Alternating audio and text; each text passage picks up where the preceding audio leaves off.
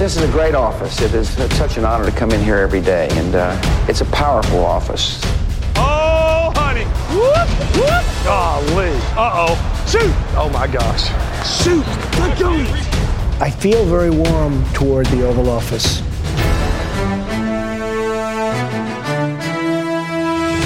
Velkommen indenfor i det ovale kontor. Mit navn er Mark Skafte Våbengård, og når præsidenten er på ferie, jamen, øh, så må vicepræsidenten træde til at holde skansen imens. Så jeg kommer til at være jeres vært i dette program, indtil vi endelig kan byde Mathias Sørensen tilbage i næste uge. Og ellers er alt jo som det plejer. Eller, øh, det vil sige, det er det overhovedet ikke. Fordi jeg er her, Thijs er her, men øh, Anders, han er også MIA, og øh, han kunne heller ikke være med. Så det giver som udgangspunkt, vil jeg jo sige, nogle udfordringer. Så i stedet for, at det blev en lang monolog fra Tejs, jamen så har vi kaldt på assistance fra vores øh, gul klud bagland. Og jeg kan derfor helt særligt byde velkommen til Søren Martin Jørgensen. God aften. God aften. Og øh, Victor Pil Hansen, er du også med? Det er i hvert fald god aften. God aften. Dejligt, at I havde lyst til at være med, drenge. Det er en fornøjelse. Selvfølgelig. Jamen, selvfølgelig. Skal vi lige høre, Thijs, er du det også? Det er i hvert fald. Ja, det er dejligt at høre. Uh, som altid, når der er nye deltagere med i det ovale kontor, så skal vi lige have hørt kort om, hvem er I, hvor lang tid har I fulgt med i sporten, måske lidt om jeres arbejde med Gul Klud, og selvfølgelig bare, hvem I holder med. Lad os starte med dig, Søren. Uh, hvor sidder du hen i landet? Jamen, jeg er med et sted så eksotisk som øh, fra Lingvistisk Laboratorium på Københavns Universitet, hvor jeg også er studerende. Så øh, der er gode rammer for at sende øh, podcast herfra. Hold da op. Øh, ja, ja. Øh, jeg har øh, på Gul Klud skrevet om college, øh, men det Ja. betyder ikke, at jeg ikke også godt kan byde ind omkring noget NFL, som vi skal tale om i dag. Og øh, jeg har været fan siden 2013, øh, og hvordan man bliver Browns-fan i 2013, det aner jeg simpelthen ikke. Wow. Jeg tror, der er noget at gøre med, at, at, at Josh Gordon han spiller en helt vanvittig sæson, og alt det, der er sket med ham bagefter, det er selvfølgelig ærgerligt, øh, men det, han var nok hovedårsagen til, at jeg hopper på, på Browns toget tilbage i 2013. Øh, siden da er det ikke gået vildt godt, øh, men jeg er en øh, stolt Browns-fan alligevel. Hold da op, det er dedikation. Det, det, det, men det kan jeg godt lide at høre. Det synes jeg er fedt. Det er, øh, og det er meget egentlig sådan typisk, synes jeg egentlig, for mange af de fans, man snakker med. Altså, det, der er selvfølgelig folk, der, der er på en eller anden form for bandwagon, men, men altså, det er, der, det er tit, synes jeg, man støder ind i folk, som har af en eller anden årsag øh, begyndt at holde med et hold, og så har holdt fast. Det har jeg respekt for. Det synes jeg er super fedt. Lidt, øh, hvordan, er, hvordan er stemningen omkring sæsonen indtil videre? Baker og sådan nogle ting.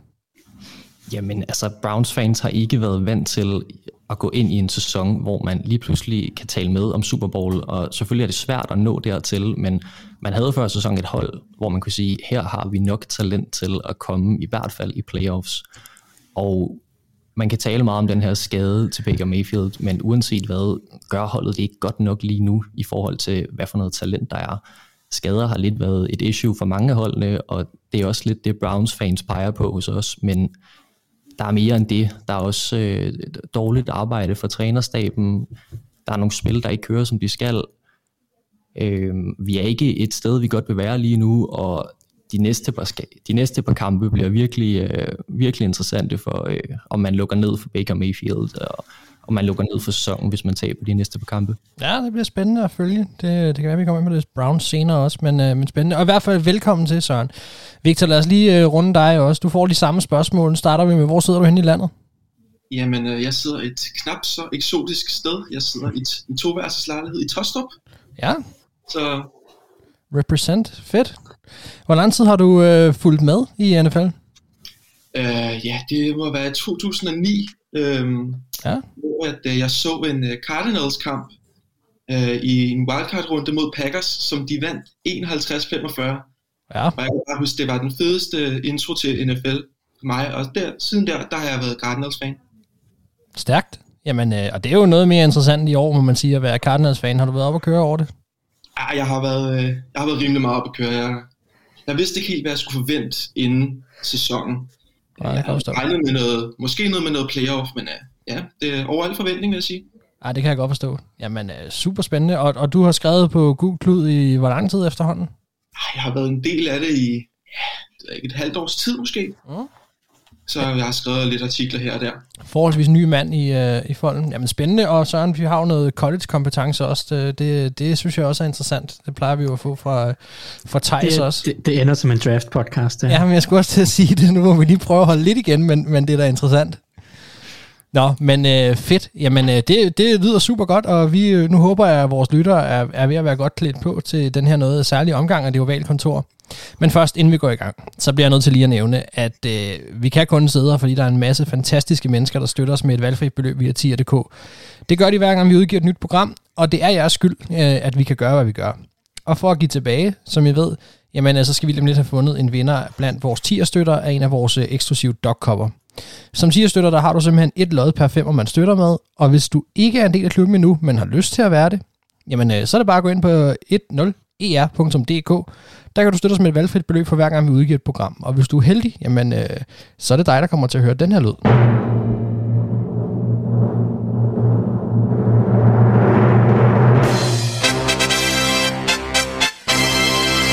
Og jeg skal sige tillykke til Kong 1. Det er en ret awesome, uh, awesome mail. Uh, jeg, uh, vi, Mathias får fat i dig, uh, og så, uh, så får vi sendt en kop af, af sted til dig. Tillykke, og tak for din støtte.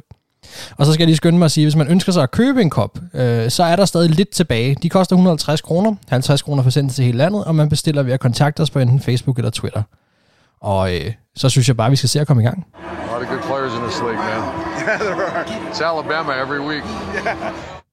Og med den her lidt lange intro, jamen, så synes jeg, vi springer lidt, og, let og elegant hen over nyhedsrunden. Der har været et par skader, øh, men jeg tænker, at vi kan snakke om dem, når vi berører de enkelte hold senere i podcasten. Og det leder os derfor til, Thijs, øh, et takeaway fra sidste runde, og der får du lov til at lægge ud. Take it away. Yes, jamen øh, jeg vælger at fokusere lidt på nogle af de hold, som, som vi nok havde afskrevet, skulle jeg til at sige, eller i hvert fald ikke øh, har snakket så meget om i år. Øh, og, og det er selvfølgelig øh, Miami Dolphins og, og Washington øh, Football Team. Ja. Det, er, det er to hold, der startede øh, sæsonen, lad os bare sige, jævnt ringe. Det må man sige. Uh, Washington var 2 og 6 øh, efter de første øh, otte kampe, øh, og så gik de på bye week, og, og Dolphins var, øh, var 1 og 7, startede sæsonen 1 og 7, øh, og har så vundet fire kampe siden. De har stadig deres bye week til gode, men, øh, men de har spillet øh, ja, samtlige 12 uger indtil videre. Men, men det, der jo er imponerende ved det her, det er, at, at Dolphins som sagt starter 1 og 7, har vundet fire kampe i træk, blandt andet slået Ravens, slår i weekenden Panthers, overbevisende, mm. øh, og er nu 5 og 7, Washington, som sagt 2 og 6 inden deres bye week, kommer tilbage efter bye week, øh, har vundet de, tre kampe, de har spillet bagefter, sejre over øh, Tampa Bay, Carolina og, og, og Seattle Seahawks. Øh, især den over og Tampa Bay er selvfølgelig øh, sindssygt imponerende.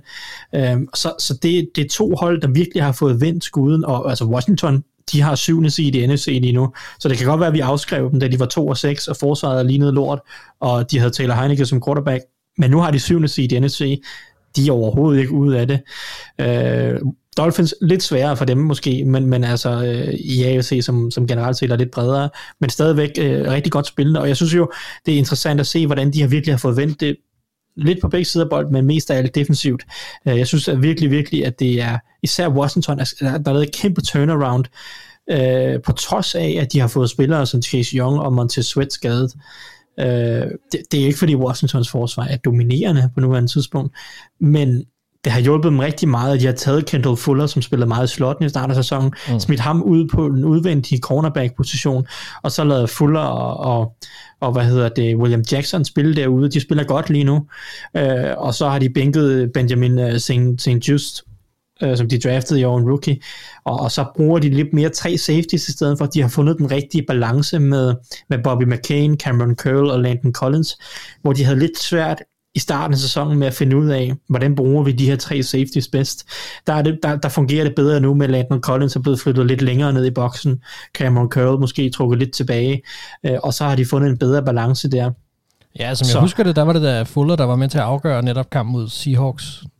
Lige præcis, og, og det er jo, altså, Fuller har spillet rigtig, rigtig godt øh, de sidste tre ugers tid her efter bye week, øh, og, og, og det, det gør selvfølgelig en kæmpe forskel, hvis du har Fuller og, og William Jackson, der spiller godt på ydersiden, så, så bliver kasteforsvaret lige pludselig markant stærkere, hvis, hvis cornerbacksene præsterer derude. Øhm, der er stadig nogle udfordringer for det her Washington-team, men jeg synes, det er spændende øh, hvor, hvor, god, hvor, hvor, hvor store forbedringer der er sket øh, på det her forsvar efter bye week. Øh, kæmpe kredit til, til Ron Rivera og, og trænerteamet om at ligesom at, at har, de har tydeligvis fået tænkt nogle tanker i den der øh, bye week og, og så lavet nogle justeringer. Øh, og de er jo bestemt med i wildcard-ræset i NFC. Og så er der Dolphins jo, som jo lignede, at de måske skulle give top, jeg ved ikke, 3-4-5 valg til, til Eagles, øhm, da de var 1 og 7, men nu har fået vendt skuden fire sejre i træk, og det, det synes jeg i høj grad også kommer på baggrund af forsvaret, som har fået nogle spillere tilbage fra skader, på mm. især i, i secondaryen, og så viser, så viser det, synes jeg, hvordan Brian Flores' filosofi, defensiv filosofi, den virker når man har gode cornerbacks, skulle jeg til at sige. Fordi at, at det betyder, at, at de kan gøre det, som der også der kendetegnede dem sidste år, sætte en man, masse mand op på line scrimmage, øh, øh, lege med en masse eksotiske blitzes og øh, hvad hedder det, rush øh, pakker, og få skabt en masse pres på quarterbacken, og det synes jeg virkelig har været altså, kendetegnet ved dem til sidste par uger, at, at nu ser vi også i weekenden, Jalen Phillips har en masse sex, og jeg ved godt, at Panthers har en af de absolut ringeste linjer i, i ligaen, ja. men men, men altså det pres, de får skabt på, og så når coverage holder, holder, øh, holder ligesom på, på deres ende af aftalen, så, så, øh, så, giver det, så, så er det her forsvar bare rigtig giftigt. Øhm, og, og det er klart, det, du kan ikke rigtig køre det type forsvar, hvis cornerbacks ikke gør det godt. Så jeg synes, det er rigtig spændende med Dolphins og, og Washington, som virkelig, virkelig har forbedret sig, og hvis man kigger på Dolphins Dolphins, så sagde det bliver svært 5 og 7, ikke? men altså, de har holdt som Giants, Jets og Saints i de tre næste kampe. Ja. Altså, de er alle sammen winnable. Dolphins er nok favoritter i alle tre kampe. Så er du 8 og 7 inden de sidste to kampe mod Titans og Patriots, som selvfølgelig er svære. Så, så jeg synes, at det, det er spændende, hvad der er sket her. Jeg synes, det er spændende, hvordan de har fået vendt det rundt, især på forsvaret, de to hold her. Øh, og det, øh, det, det synes jeg virkelig manifesterer sig i, i weekenden her, sådan lidt, at, at okay, nu er det sgu legit nok, nu er det nok, nok uger til, at det ikke bare lige var et par heldige uger. Ja, de fik da i hvert fald sat Cam Newton tilbage på, øh, på bænken, Dolphins øh, og deres forsvar. Um, vi skal snakke Dolphins senere også, så, så nu skal vi ikke tage alt for meget af det, men, men vi må også sige, at du siger, som de, de starter 1 7. Øh, det er aldrig nogensinde sket før, at hold, der startede 1 7 er kommet i slutspillet. Vi har en kamp mere at gøre godt med i år, og det kan være, at det bliver til deres fordel, men det er fuldstændig vanvittigt. Man kan så også omvendt sige, at al den leverage, de havde, den er brugt. Altså, de skal vinde alt fra nu af og så skal de satse på, at det kan, de kan trække den så langt. Men imponerende, øh, at de er i gang med at forvente øh, begge hold. Og så tænker jeg, at vi er klar til at rykke ind i vores U13-optakt. Turtle, that running back broke my ankle so bad. My, he broke my ankles. You know what that means? So in basketball, when the guy crosses the guy over, they say, oh, you broke your ankles because you... Right, my ankles are still in the field, so I might need to get an ankle replaced. Og det gør vi med et match, og vi glæder jer til at se. Og øh, Victor, jeg synes, vi skal starte med at høre fra dig. Jeg kan se, at vi skal snakke om en af ja, de meget få lyspunkter, vil jeg sige, hos Chicago Bears angreb. Der er noget Mooney.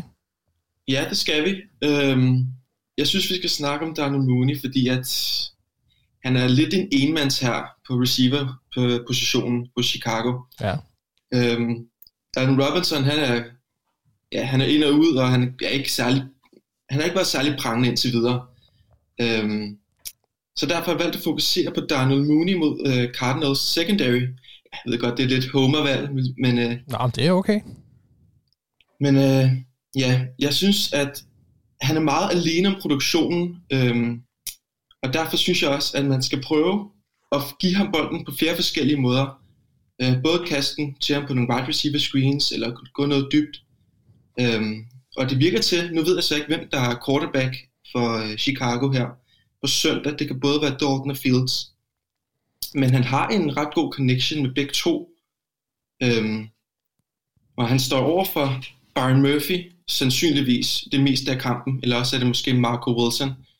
Øhm, og Marco Wilson han er en rookie, som faktisk har præsteret fint, øhm, men man stadig godt kan løbe lidt om hjørnet med. Øhm, ja. Så jeg, jeg vil sige, at vi skal forsøge at give bolden så meget som muligt til Darnell Mooney, fordi at altså, jeg kan forestille mig, at øh, løbeangrebet kommer til at fungere forholdsvis fint, fordi jeg synes, at nu kan, ser jeg jo ret meget Cardinals, det er jo klart. Øhm, ja.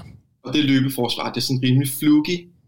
Til tider er det ret godt, men til på andre tidspunkter, der bliver det bare løbet henover. Øhm, og så en blanding mellem Montgomery og Khalil Herbert, det, det kan godt gøre ondt på Cardinals forsvar. Så jeg tror godt, der er en mulighed for en, en stor kamp. Ja, altså Daniel Mooney har jo over de sidste to kampe, som du selv siger, været en, en enmands her. Han har, han har gavet for 240 yards og et enkelt touchdown. Der bliver vi så også bare nødt til at sige, at det har været mod Lions, og det har været mod Ravens, som, altså Lions ligger 28 øh, pladsen i DVOA mod kastet, og Ravens er 24. Så ikke nogen vildt prangende secondary, han har, secondary, han er ude at lege med, men som du selv siger, ja, der har ikke været så meget andet end ham, og, øh, og han har leveret. Så han bliver da spændende at se. Øh, Søren, jeg tænker, at vi rykker videre til dig nu. Hvad, øh, altså, er, vi, er vi ude i, at vi skal pine Thijs her?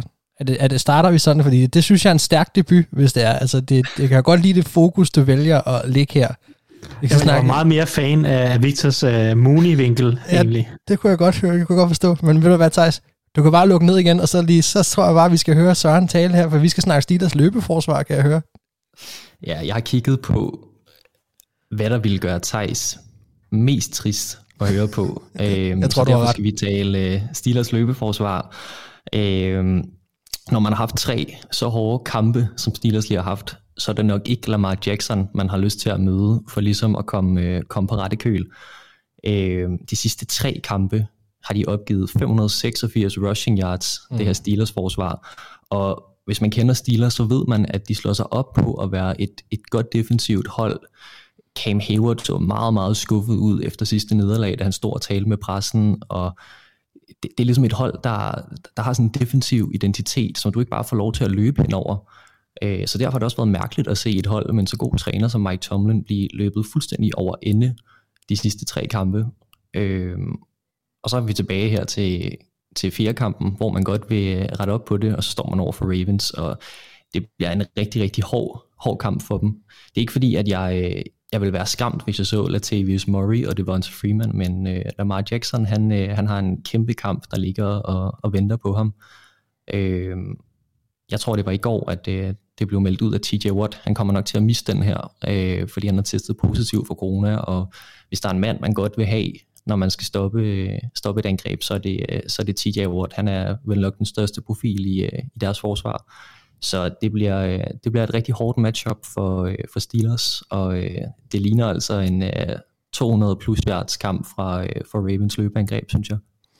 Ja, altså hvis vi lige skal have været som du selv var inde på, de sidste tre kampe, det har været mod Lions, Chargers og Bengals, ikke? Og, og hvis vi bare tager gennemsnit, jamen, så er det tæt på 200 yards per kamp, de er blevet løbet henover. Mm. Det er et helt andet Steelers forsvar, vi ser i år, end, end det vi så sidste år, og, og, og de har altså virkelig haft problemer, og, og det er overraskende mod nogle af de hold her. Altså Bengals, øh, Joe Mixon er en dygtig spiller, men, men det er ikke verdens bedste offensiv linje, vel? Altså, og man ved godt, de vil gerne ud og, og løbe den op gennem midten. Vi har Lions, de havde kæmpe problemer imod, og så, så er der Chargers og Austin Eckler, som havde øh, men nærmest sin bedste kamp i år netop mod Steelers. Det er, de er samlet set 27 i, i DVOA, 24 øh, mod løbet og 26 mod kastet. Øh, det er, det er et noget anderledes Steelers forsvar, vi ser i år. Det, det må være hårdt, Thijs, tænker jeg, at se sit hold blive løbet over på den måde. Det er mega træls. Eller det kommer an på, om man gerne vil have et højt draftvalg, men, ja, det er selvfølgelig men, men rigtigt. Altså, angrebet, det er vist, de fleste Steelers-fans godt vil, vil blive lidt en sej kamp i år, ja. med en gammel quarterback og en dårlig offensiv linje. Altså, så, så, så er det de færreste angreb, der ser ret spændende ud. Mm. Men at forsvaret har været så mega dårligt, som det har været, især altså blevet dårligere og dårligere reelt set, som sæsonen er skrevet frem. Det har været en kæmpe skuffelse. Og så kan man selvfølgelig snakke om skader, især på den defensive linje, er det klart, at, at når man slet ikke har haft Stefan Tue i det år, og Tyson Alualu bliver skadet i, i det, de første par kampe, og så TJ Watt har lidt af, af skader også, i, især de sidste, ja, de sidste håndfulde kampe, så begynder det at se lidt tyndt ud. Uh, men altså, det er jo ikke nogen undskyldning for, at, at Devin Bush han øh, spiller stinkende ringe, ja. og, og at secondaryen også har det, sine problemer. Så altså, det, det, det er det hele. Det er både spillermaterialet, det er coaching, og det er effort og, og altså, energi, som, som alt sammen bare ser skidt ud. Blev Devin Bush ikke også egentlig taget af banen i sidste kamp? Eller kom han ind igen? Der var et eller andet, hvor jeg synes, de fokuserede på, at han i hvert fald blev bænket en periode. Ja, og han har også været, også tidligere i sæsonen har han også fået reduceret sine snaps en lille smule i nogle pakker og sådan noget. Så det er jo tydeligt, Steelers er jo godt klar over, at han spiller dårligt. Altså. Ja. Øh, men, men derfor er han jo stadig en spiller, som man prøver at investere noget, noget i, ja, sige, for at få til at virke. Øh, og det er selvfølgelig klart, at man håber på, at, at han kan vende tilbage til sin, sin niveau fra før han blev skadet sidste år. Jeg skal nok lade være med at pine dig mere nu, Thijs, i hvert fald for nu. Og så tænker jeg, at vi hopper videre til, dit, jeg øh, hvad det, til dit segment. Uh, jeg fristes til at kalde det City of Sax, vi skal til. Vi skal til ørkenen. Yes, det skal vi. Og, og nu har jeg snakket lidt Washington, og jeg tænkte, hvorfor skal vi ikke snakke noget mere om den? Fordi det kan jo være, at de rent faktisk kan blive ved med at gøre det godt. Den her weekend, der møder de uh, Las Vegas Raiders, uh, som jo ganske flot jo uh, faktisk slog, slog Cowboys på, på Thanksgiving. Ja. Det, det, det var i høj grad angrebet, der gjorde det godt. Men, men jeg, jeg, føler, jeg føler i den her kamp, at, at nøglen øh, for Raiders, den letteste vej til en sejr på en eller anden måde, det er, hvis man kan lukke ned for, for Taylor Heineke og, og company.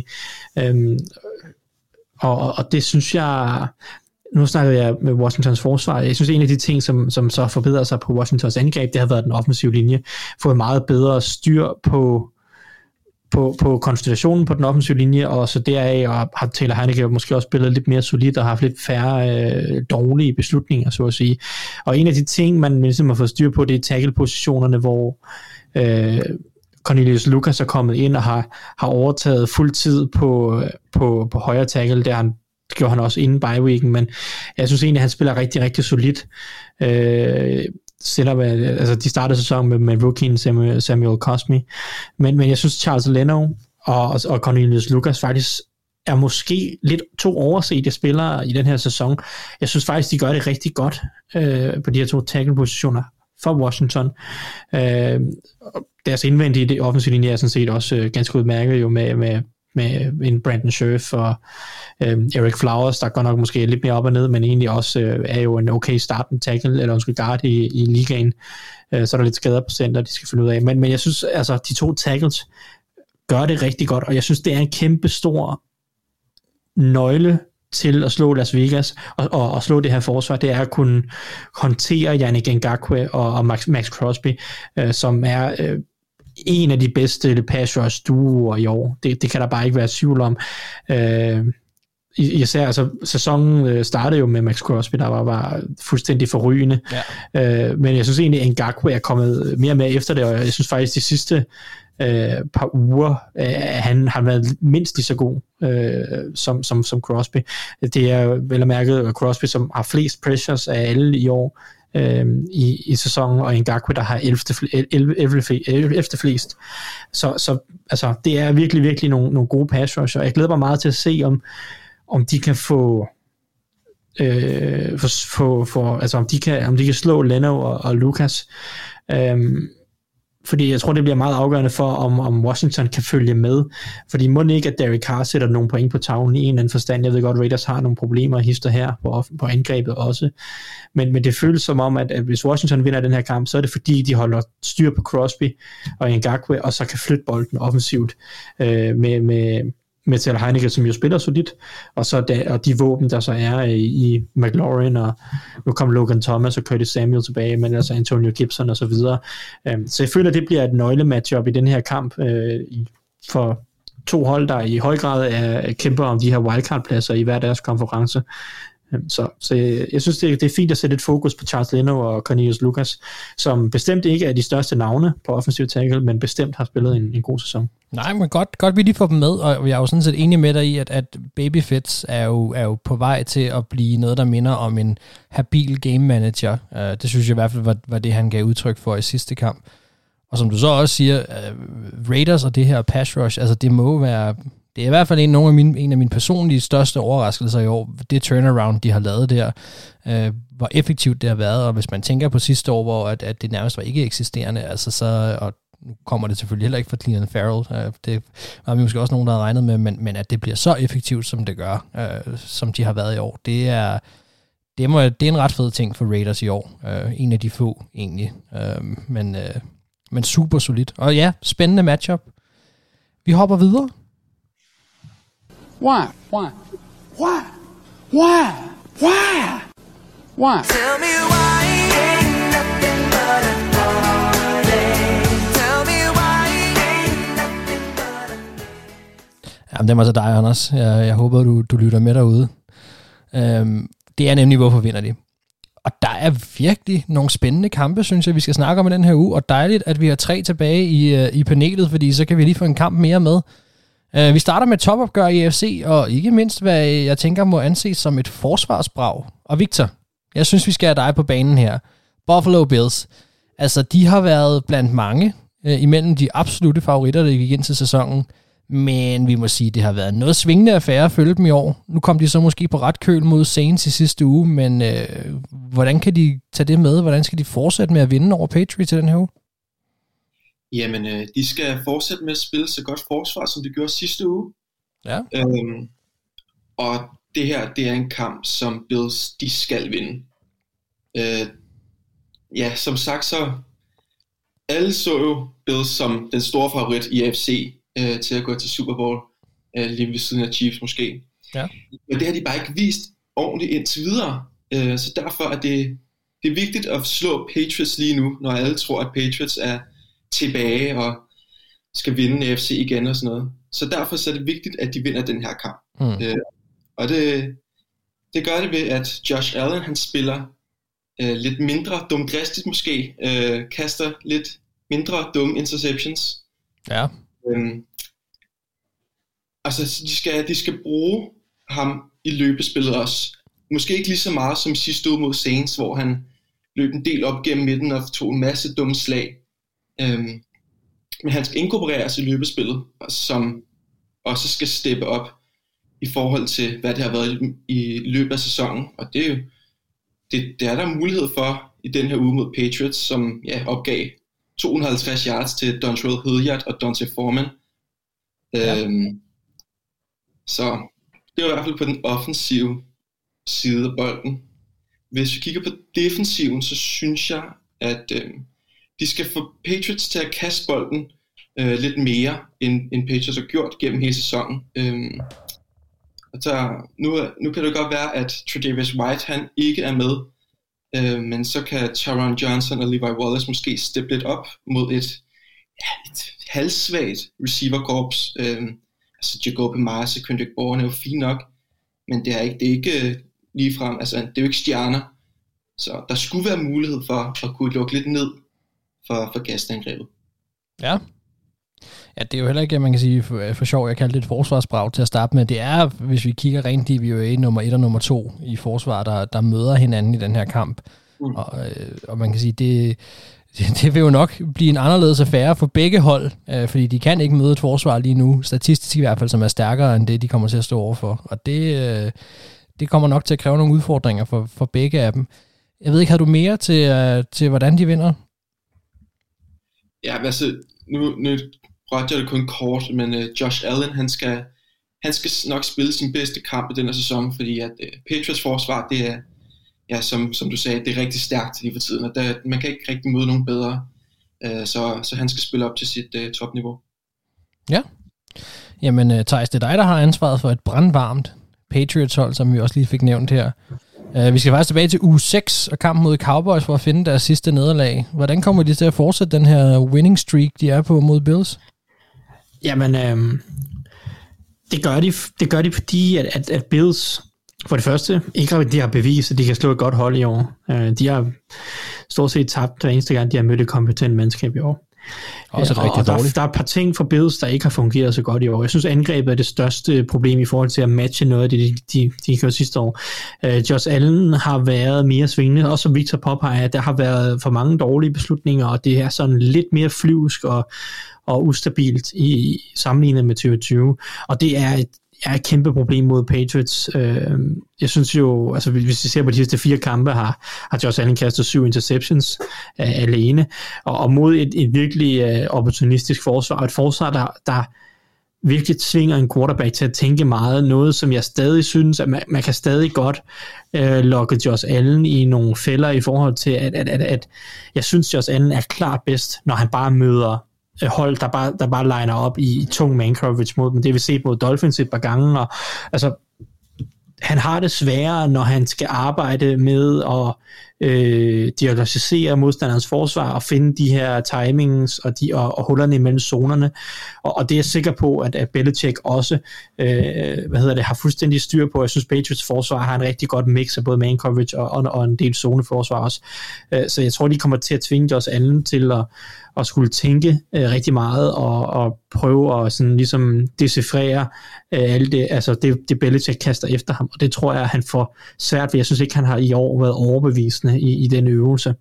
Skal vi, øh, så vil jeg, skal, vi forvente, at, øh, skal vi forvente, at de vil prøve at tage Stefan Dix fuldstændig ud af kampen? Altså en classic uh, Belichick-wise, eller, eller tror du, det bliver en anden gameplan, de kommer hen med?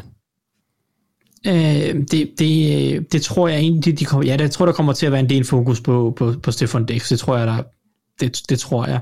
Men det er ikke nødvendigvis øh, afgørende for mit vedkommende, fordi Bills har egentlig nok andre våben til stadig at kunne gøre ondt på forsvarerne. Ja. Jeg tror, det er mere sådan helheden i strukturen af Patriots forsvar, og de gode spillere, der er hele vejen rundt.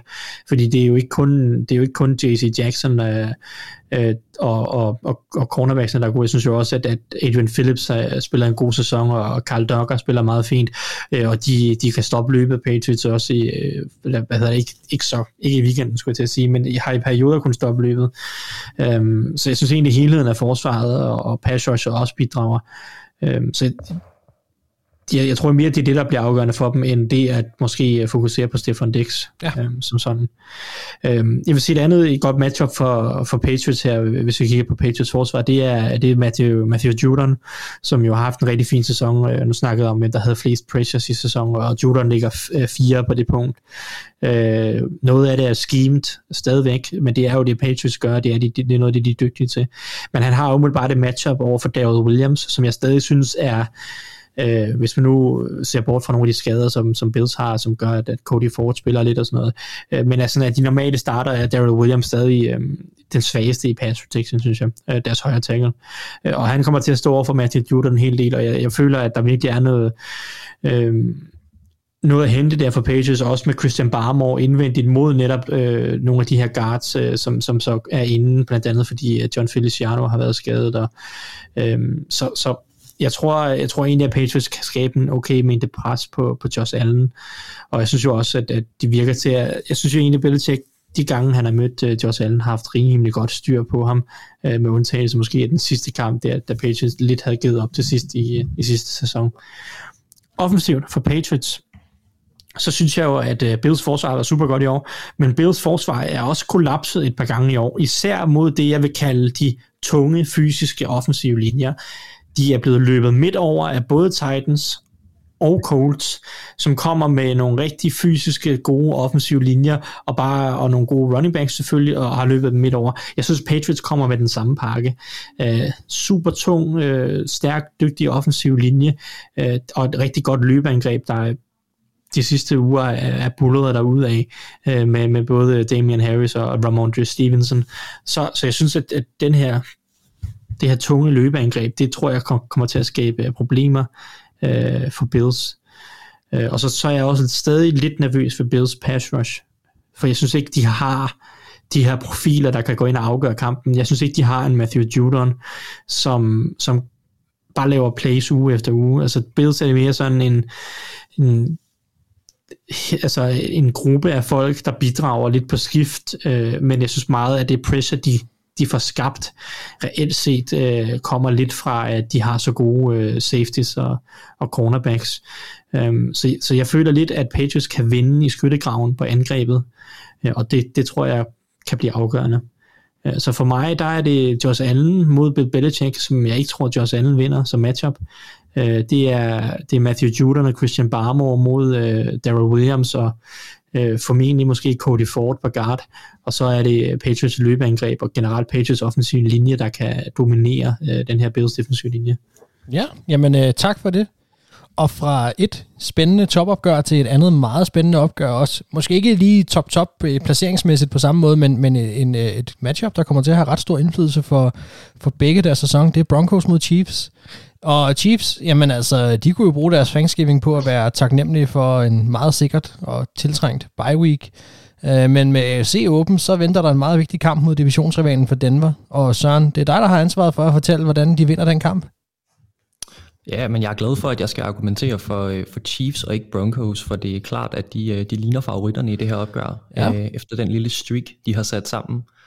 Øhm, og når man ser på, hvad de skal gøre for at, at vinde den her kamp, øh, Mahomes, det, det behøver nødvendigvis ikke at være sådan en kamp, hvor Mahomes går ud og smider 400 yards og laver en af de der præstationer, vi kender ham for. Man kan også godt Chiefs her nu i sæsonen begynde at forvente lidt mere af forsvaret og, og lukke mere ned for det andet hold. Øh, da Broncos vandt sidst, der fik de foræret nogle point af, af Chargers øh, i forsvaret. Ja. Så jeg vil nok i Chiefs starte med at, at spille, spille rent, spille sikkert, få penalties, øh, lad være med at give de der interceptions, som de har problemer med i starten af sæsonen. Det er blevet bedre for Mahomes og, øh, og offensiven. De sidste tre kampe har Mahomes kun stået for én interception, og det er altså væsentligt bedre i forhold til den der forfærdelige sæsonstart.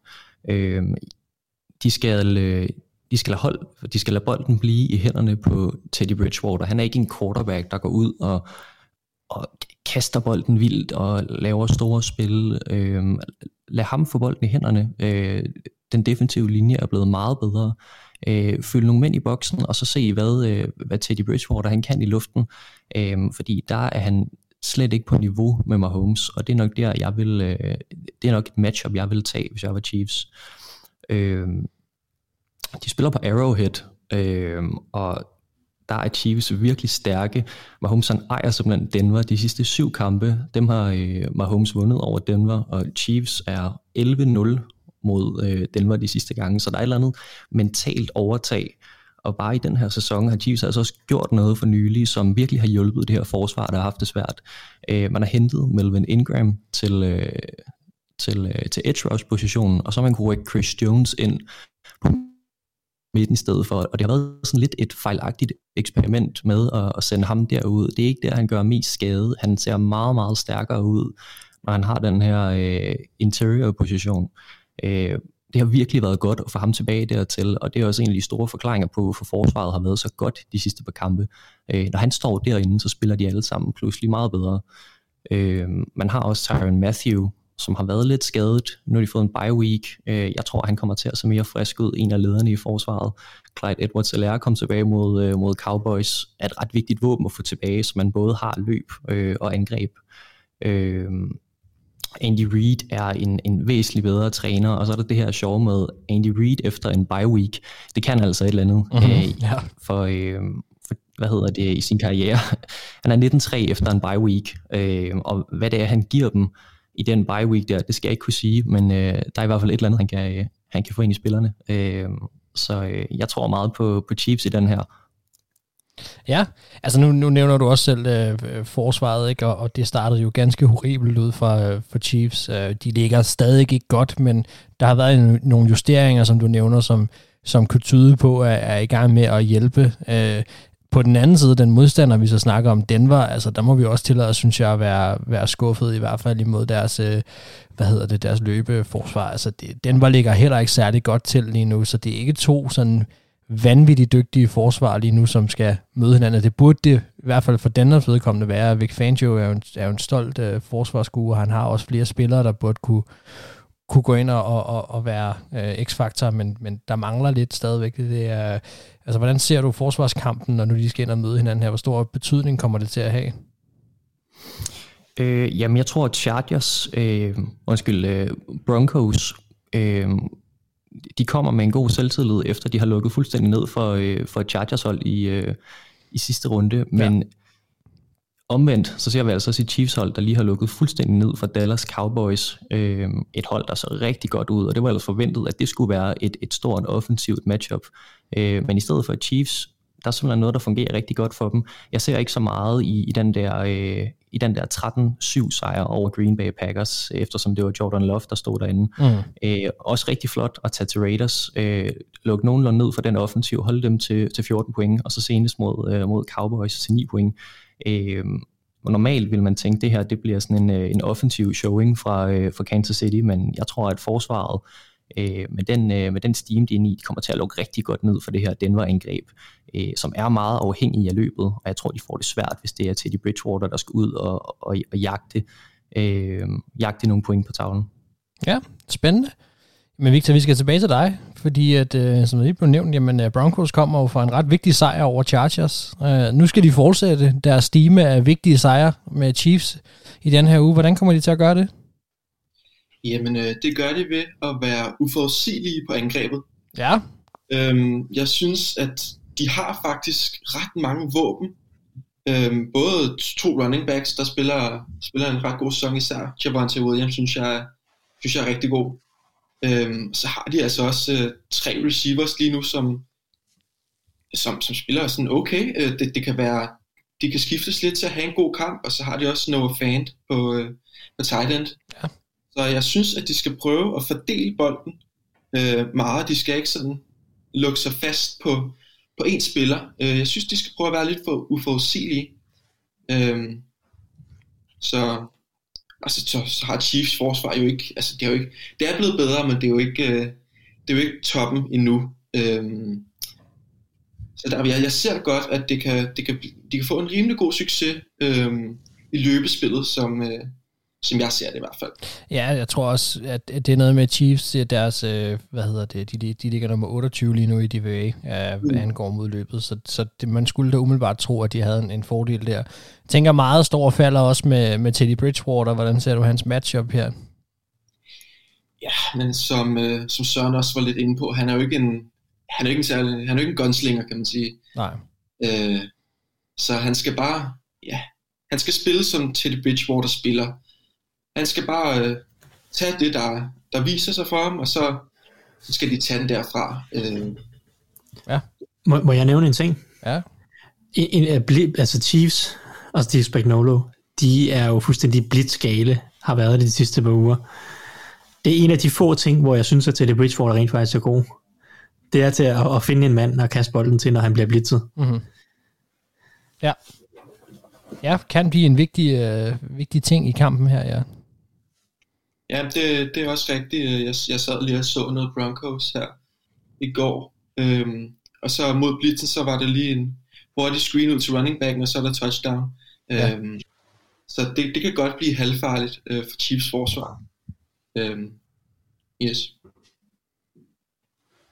Ja, og hvordan på, øh, på forsvaret kommer de til at kunne, øh, kunne styre øh, Mahomes? Det er der næppe nogen, der sådan rigtigt kommer til at gøre, men det er jo en stor opgave, de står overfor. Ja, det er det. Altså, det er jo, det, det er jo svært at lukke ned for Patrick Mahomes. Det, det, det, det er der nogen, der har kunne, men ikke, ikke på over længere perioder. Øhm, altså, deres secondary spiller jo okay lige nu. Patrick Sertan havde en, øh, en ret god kamp sidste uge øhm, mod Chargers, hvor han har to interceptions. Øhm, og så synes jeg bare, at Broncos forsvar, de får hjælp fra mange steder. Altså, det, det, der er mange spillere, der laver øh, nogle gode spil i løbet af kampen. Altså, deres, øh, de har tre rookies, der spiller en ret fornuftig kamp sidste uge. Øh, det er selvfølgelig Patrick Sertan, og så linebacker Baron Browning og safety Caden Stearns. Ja. Altså, de, de får hjælp mange steder fra, altså Justin Simmons selvfølgelig, han spiller en, endnu en rigtig god kamp. Ja, jeg er spændt på at se, om det skal lykkes for Vic Fangio den her gang, og, og for en gang skyld vinde det her matchup. Det er noget, han virkelig har haft uh, svært ved. Men øh, jeg er spændt på, hvad vi, får, øh, hvad vi får at se fra ham. Så rykker vi videre til næste kamp, som er øh, den sidste i det her segment, men det er øh, en, en spændende en. Vi har da et doghold involveret, kan jeg se også. Øh, det er Chargers mod Bengals, og øh, altså, Thijs, nu er Mathias ude, så du kan jo i princippet sige, hvad du vil. Det, det bliver bare mellem os, ikke? Men, men altså, på den måde, de dominerede Steelers på i sidste uge, så tænker jeg da, at de kan gå ind og, og med ret oprejst panden mod Chargers hold. Eller hvad tænker du? Jo, jo, selvfølgelig kan de det. Jamen, Bengals er der sikkert i godt humør. Øh, det er jo de to hold, der de sidste to uger har, har smadret Steelers' forsvar. Så øh, ja. nu får vi jo lidt at se, hvem, hvem af dem, der måske er, er stærkest. Uh, nej, uh, altså Bengals, Bengals har, har et rigtig, rigtig godt topniveau. Det er, der ikke nogen, det er der ikke nogen tvivl om, og når det ligesom klikker for dem, og de får lov til at bruge alle deres våben offensivt, uh, så, så, er, så er de bare super farlige. Jeg, jeg synes, at mod Chargers øh, er der nogle ting, der, der, der taler lidt til Bengals uh, fordel. Jeg synes jo, i starten af sæsonen gjorde vi lidt grin med, at Bengals løb bolden umanerligt meget, men de, øh, er heldigvis kommet tilbage til at kaste lidt mere, og, og det har givet en bedre balance på angrebet, øh, ikke en, en lidt mere kasteglad balance. Øh, men jeg synes jo faktisk, at nu så vi så mod Steelers, at det løb dem midt over, og det synes jeg, der er gode forudsætninger for at, at ramme lidt nogle af de samme tangenter mod Chargers, der har ligaens klart dårligste løbeforsvar. Ja. Altså, der, der er to hold i ligaen, hvor vi nærmer os sådan, at det er lige så effektivt at løbe bolden, som det er at kaste bolden mod dem. og det er Chargers, og Mark, den, den kan du godt lide, det er Vikings, der er ja, ja, hold. Tak, tak. Kom bare. Øhm, og, altså, Bengals er over de sidste fem uger et top 5 løbehold i ligaen. Uh, og det er ligesom om, at, at, at holdene er begyndt at respektere især Jamar Chase mere. De kan ikke bare pakke boksen, de bliver nødt til at holde safeties tilbage, og så for at Chase han ikke bare stikker ind ned sidelinjen, skulle jeg til at sige. Og det åbner bare op for tingene under neden. Det åbner op for Tyler Boyd, der har været mere i spil måske de sidste par uger, især uh, for to uger siden. Uh, og så en, en Joe Mixon. Um, så, og, og så med det her dårlige løbeforsvar, som Chargers har, så synes jeg, der er nogle spændende muligheder for Bengals for igen at, at udnytte tingene under neden med, med Mixon og, øh, og, og, og især Boyd. Øhm, så, så vil jeg jo især også holde lidt øje med, øh, hvad hedder det, ja, ellers så vil jeg sige, forsvarsmæssigt. Fordi det er egentlig det, at, at det handler jo lidt om, hvem der kan stoppe øh, hinandens angreb på en eller anden måde. Det, det er jo de her to unge quarterbacks, øh, talentfulde unge quarterbacks, og deres våben, man, man på en eller anden måde skal stoppe. Chargers angreb har det store problem, at de har meget svært ved at skabe eksplosive spil og strække banen. Øh, det er nogle store, tunge receiver og tight ends, altså Mike Williams er stor og tung, Keenan Allen er ikke stor og tung, men han er, han er, han er øh, langsom, men en, en tekniker. Mm. Øh, Josh Palmer er, er rimelig stor og ikke hurtigt nok til at strække banen som sådan, og så har de nogle tight ends osv. Øh, det er et, et, næsten et basketballangreb, som Chargers kommer med, og de, de har bare, altså det, det, det er et, et rigtig dink and dunk angreb er det blevet til øh, hvilket ikke klæder Justin Herbert særlig godt, men det er fordi, de ikke kan strække banen. Og jeg synes, det passer, jeg synes, det passer Bengals rigtig fint, at Chargers er et hold, der har lidt svært ved at, at strække banen og flytte bolden ned ad banen øh, med, med eksplosive spil. Øh, fordi Bengals er et hold, der ikke blitzer så meget, øh, ligger rimelig øh, altså i bund 10 i forhold til blitz percentage, og er et hold, der, der generelt set er gode til at holde tingene foran sig, og så, og så break på bolden og, og takle godt. Øh, deres cornerbacks, øh, Chidobe Awuche og sådan nogle typer som Mike Hilton også, øh, er, er rigtig dygtige takler. Øh, og, og det her og det er nogle rigtig fysiske defensive backs, hvilket også kommer til fordel mod de her store fysiske wide receivers. Altså, jeg tror ikke, at Chargers wide receiver kan ikke bare overpower eller overpower øh, øh, typer som Awushi og for den så skyld Eli Apple, der begge to har god størrelse og fysik, øh, og, og Mike Hilton, som ikke har god størrelse, men har god fysik. Um, så, så det synes jeg taler rigtig meget til Bengals fordel, at, at Chargers kommer til at spille den på den måde, Bengals gerne vil have dem. Øh, nogen, der kaster bolden lidt kort, og, og, og så kan de få lov til at komme frem med deres, øh, med deres gode takler og, og holde tingene ligesom foran. Så jeg synes, Bengals har været mest udfordret i år, når, øh, når, når der er hold, der virkelig har kunnet strække den vertikalt. Um, det var også stort set de eneste gange, at, at Steelers stod farlige ud, det var, når, når Chase Claypool måske uh, kunne, kunne gøre et eller andet lidt ned ad banen. Ja. Um, og man kan selvfølgelig sige, at Mike Williams har også noget størrelse, ligesom Claypool, øh, og de vil helt sikkert prøve over for Eli Apple, men, men jeg synes ikke, at, at generelt set, at det har været nogen stor succes for Chargers i år. Øh, så, så det, øh, det er egentlig det meste, og så vil jeg sige X-faktoren i den her kamp. øh, nu ser jeg godt nok, at Jamar Chase øh, har snakket angreb, men jeg synes jo, X-faktoren i den her kamp, det er, at Chargers er et af de dårligste taklende hold i ligaen, og Jamar Chase er øh, super, super dygtig øh, med bolden i hænderne. Øh, og jeg glæder mig lidt til at se øh, en, en Chase, og mås- måske også Mixon, så, så, så på den sags skyld, øh, med bolden i hænderne mod det her Chargers forsvar, for jeg synes, at nogle af de her cornerbacks, de, de har, har spillet øh, især øh, modsat af Sante Samuel, og nogle af deres linebacker, de, de takler ikke super godt. Nej. Så jeg, så jeg vil sige, øh, for Bengals, så, så passer det dem rigtig fint, at de egentlig kan ramme Chargers lidt på samme par, nogle af de samme parametre, som de har ramt Steelers på i den sidste uge. Uh, og måske endda også øh, Raiders lidt før, ugen før det. Øh, og så ellers, at, at Chargers har svært ved at skabe eksplosive spil på angrebet.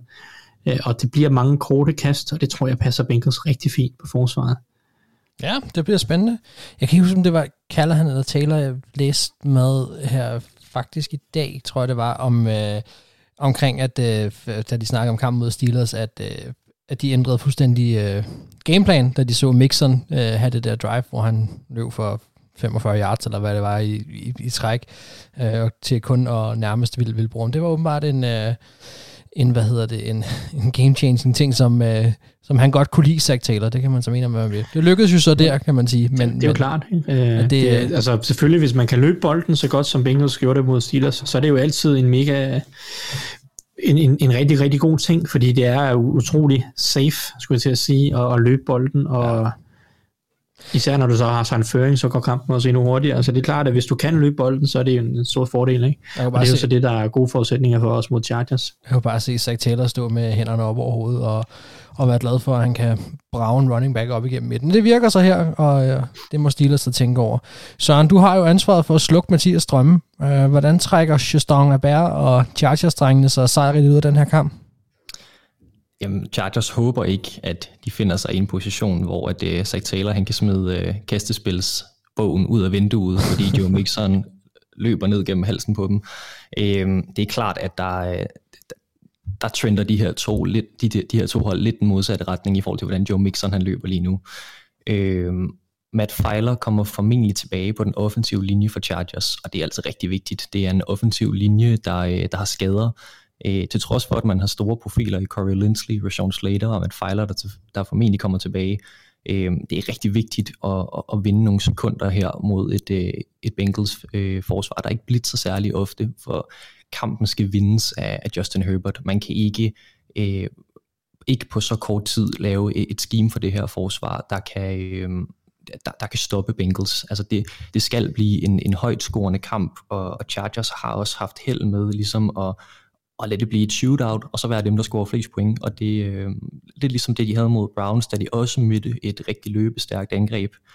De må simpelthen bare øh, lade pointene løbe op, og så være dem, der er, dem, der er mest clutch, når, øh, når kampen når til, når til fire korter. Øh, jeg har nogle gange, eller vi har set, øh, vi har set et par interceptions komme fra Joe Burrow, når han bliver sat, øh, når han bliver sat under pres. Han plejer at give en interception, måske to i en kamp. Øh, Joey Bosa er nok den eneste, der kan nå helt ind til ham, og man, man, skal have nogle, øh, man skal have et par turnovers, som kommer ud til, til Chargers fordel i den her kamp, og de bliver nødt til at eliminere deres egne også. De gav 14 gratis point til, øh, til Broncos i sidste kamp, og hvis man begynder at give, øh, give gratis point til, øh, til Bengals, så, øh, så begynder det at gå stærkt. Øh, så det bliver nødt til at, øh, de bliver nødt til at, øh, at spille en mere disciplineret kamp. Øh, der var også for mange offensive, øh, der var for mange offensive øh, penalties i sidste kamp. Det ødelægger flowet, man ryger for langt tilbage, og et angreb, der allerede forventes at kaste, det bliver endnu nemmere at lukke ned for dem, hvis du har en, øh, en tredje og lang. Øh, det, det bliver simpelthen for nemt. Øh, en trend, som de også skal, skal tilbage til, det er lettere sagt end gjort, øh, men de første fem uger i sæsonen, der gik de 7 for 7 på fjerde down. Øh, der var altså et eller andet, der fungerede der i offensiven, der blev kaldt de rigtige spil. Øh, men i de sidste 6 uger, der er de gået 5 for 12, og de ligger altså under, en, de ligger under middel for, øh, for konverteringsprocenten i ligaen. Mm. 7 ud af 7 er selvfølgelig rigtig, rigtig højt, og det kan man ikke bare forvente øh, fortsætter, men de skal, de skal tilbage til de spilkald, der, øh, der gør dem gode øh, fordi de bliver nødt til at, øh, at holde forsvaret væk fra banen så lang tid som muligt, og gå på de her øh, fjerde downs og være aggressiv. Det er et hårdt succeskriterie, men det er det, der har virket tidligere. Øh, kickeren og specials teams er heller ikke noget, man vil, man vil have for meget på banen. Øh, score touchdowns og, øh, og gå efter de der fjerde downs, i stedet for at, øh, at smide field goal enheden derud. Øh, og så er der også noget, der, der virker mere håber mere, det er en, øh, en undtagelse end en regel, men altså Chargers har et alt for godt angreb. De har alt for gode profiler til, at øh, de kan føre ligaen i tabte afleveringer.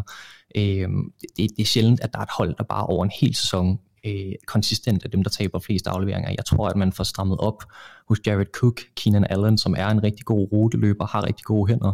Mike Williams er også rigtig stærk. Ham må de finde et eller andet fysisk, øh, fysisk mismatch til. Og Austin Eckler er jo også en running back, der er rigtig god med hænderne. Øh, øh, det er noget, de skal have styr på. Øh, mere sikre hænder. Øh, mere sikre hænder hos dem. Øh, og til allersidst har jeg fundet en total øh, spøjs øh, statistik ja. som er lidt for de overtroende, men jeg bliver nødt til at finde det tunge spyt frem, når jeg skal øh, argumentere Kom med for, det. for Chargers. Øh, hvis jeg siger uge 46, uge 44, uge 40, 38 og 36, det er alle de uger, som Chargers de har vundet i. Altså lige uger. Der er de 6-0, og nu er vi i 48. Hvis det ikke peger på en sejr, så ved jeg ikke, hvad der peger på en sejr. Ja, okay. Altså, vi bliver nødt til at læne os over, øh, over, øh, over et eller andet øh, heksemagi, øh, hvis de skal vinde den her. Øh, så jeg satser på, at øh, der sker noget med dem i de der lige uger. Øh, det kan være, at det er sådan noget, man skal, man skal læne sig op af for at vinde den her kamp. Ja, altså, ja, det, der, der skal gang i magien, der kan jeg godt mærke. Men altså, jeg tænker også, jeg har været enormt skuffet over, at, øh, at, at Herbert øh, ikke er blevet sat i scene til at gå mere dybt, end han er. Han har været effektiv, når de er gået dybt, men jeg synes godt nok, der har været langt mellem snapsene. Man skal ud og bruge hans arm, man skal ud og bruge de eksplosive spil. Han viste sidste år, han er en quarterback, der kan håndtere de her ting, at han, har, han har det rigtige mindset, han har den rigtige ro, han har den rigtige pocket awareness. Det kan ikke være rigtigt, man ikke kan tegne noget bedre op der. Og så tænker jeg, han er ikke Big Ben som man skal vel ud og teste Eli Apple. Altså, det, det, det er kun Big Ben, der har den der nudelarm, der gør, at øh, han kaster den i favnen på ham. Altså, jeg tænker også, der må vel være et eller andet der, hvor man skal ud og, og udfordre den her Bengals secondary, som, som skal, hvad kan man sige, som, som måske ikke, de har ikke været super ringe, men de har godt nok heller ikke været gode. Jeg tror, de ligger sådan omkring 19-20 stykker, hvis vi kigger DVOA-wise. Øh, skal de ikke ud og teste dem lidt dybt også? Absolut, og som Thijs også var inde på, det, det, det som Chargers har været rigtig gode til, og jeg mener også, de har ført de fleste statistikker i løbet af sæsonen, det er de der eksplosive spil. Øh, det er, når, når Herbert han får lov til at, og, øh, han får nogle sekunder, øh, får lov til at måske at løbe en lille smule bolden, og så finder han øh, Mike Williams, der står over for en fyr, der er halvt så stor som ham, øh, eller Keenan Allen, han rammer lige fagnen. Det, de bliver nødt til at, øh, at være mere kreative. Øh, det er Herbert, der skal vinde kampen, øh, og de skal ikke, der er ikke nogen grund til at, øh, at begynde at løbe for meget mod, øh, mod det her Bengals hold. Det er secondary, man skal gå efter. Øh, og det bliver selvfølgelig en anelse forudsigeligt for, for Bengals. De, de ved ligesom, hvad Chargers kommer til at, at komme med, men sådan er det for mange af de hold, som, øh, som Chargers vinder over. Det, øh, det er ikke nogen hemmelighed, hvad de er gode til, og det er ikke nogen hemmelighed, hvad Justin Herbert kan. Øh, så nu, nu handler det om at, øh, at sætte, ham, øh, sætte ham bedre i scenen, så han kan levere de her spil. Og så tror jeg også, at, øh, at receiverne nok skal gøre deres arbejde. Ja, jamen øh, tak for det, drenge. Jeg synes, det er tre øh, enormt spændende kampe. Jeg glæder mig til, når vi skal vælge pick senere, hvilken vej vi går, og hvilken vej I går. Øh, det bliver super spændende. Vi hopper videre. Put it in my hands, Trey. It's over. Og det gør vi selvfølgelig med Joe Burrow, ikke? den dejlige røst for den unge cigarrygende herre. Øhm, vi går videre til et spørgsmål, I gerne vil have svar på her i uge 13. Øhm, det er nemlig, kan man sige, de spørgsmål, som, øh, som mine paneldeltagere øh, mener, at der er ekstra værd at holde øje med i, i det, der allerede nu kommer til at være uge 13 af NFL. Ja, man må sige, at tiden går i sandhed alt for stærkt, når man har det sjovt. Men Victor, jeg synes, vi skal få dig på banen her. Lad os starte med dig. Vi skal syde på til palmer, drinks og delfiner. Vi teasede også lidt for det i starten, at vi skulle snakke Dolphins igen. Hvad, hvad vil du holde øje med? Jamen, øh, jeg vil holde øje med, om man skal begynde at tage Dolphins lidt mere seriøst. Ja. Øh, altså nu har, som vi lige nævnte tidligere, så har de vundet fire kampe i træk nu. Øh, ja, det er rigtigt. Det er jo, det er jo lidt hele holdet, der, der er kommet op i, i omdrejninger. Altså forsvaret er steppet gevaldigt op, øh, især her de sidste ja, fem ugers tid. Øh, der er både turnovers og sacks og sådan noget. Øh, ja, så lige meget hvad man kan sige om Tua, så han, han er begyndt at spille bedre. Ja, hvor er vi egentlig henne på ham? Det, det kunne jeg egentlig godt tænke mig måske lige at dvæle lidt ved. Hvad er tankerne om Tua lige nu? Der er ikke nogen tvivl, at Dolphins som hold er blevet mere healet, øh, end det, hvad de var tidligere, men, men deres quarterback skal jo bære dem så langt, som de nu kan komme. Hvordan er vi, hvor, hvor ser vi ham hen nu? Jamen altså lige nu, så synes jeg, han spiller fint. Altså han kaster med, med sådan en rimelig god præcision og tager, tager okay beslutninger og sådan noget. Og, altså, han, ja, han virker skadesfri for ja. en gang skyld. Øhm, altså der er stadig på nogle tidspunkter, hvor man godt kunne ønske sig lidt mere fra hans side. Altså der, der er en del sådan dink and donks. Øhm, altså hans beslutninger er, er fine nok. Øhm, ja, altså jeg, jeg, jeg er egentlig rimelig positiv over for ham lige i øjeblikket. Og så har han fået god kammerat i, i Jalen Waddle, som vi ikke har snakket voldsomt meget om, men han er, han er en god. Han er god. Altså det, der kan vi snakke enmands her tidligere i, i forhold til øh, Mooney med Bears. Altså Waddle, han forsøger da også at være en, en form for enmands her i, i Dolphins øh, angrebet. Ja, altså absolut. Uh, han, han spiller rigtig godt for tiden, uh, og han, han fører jo alle rookie receivers i receptions. Ja. Uh, han spiller både indvendigt og udvendigt, og han får brugt sin fart ret fornuftigt.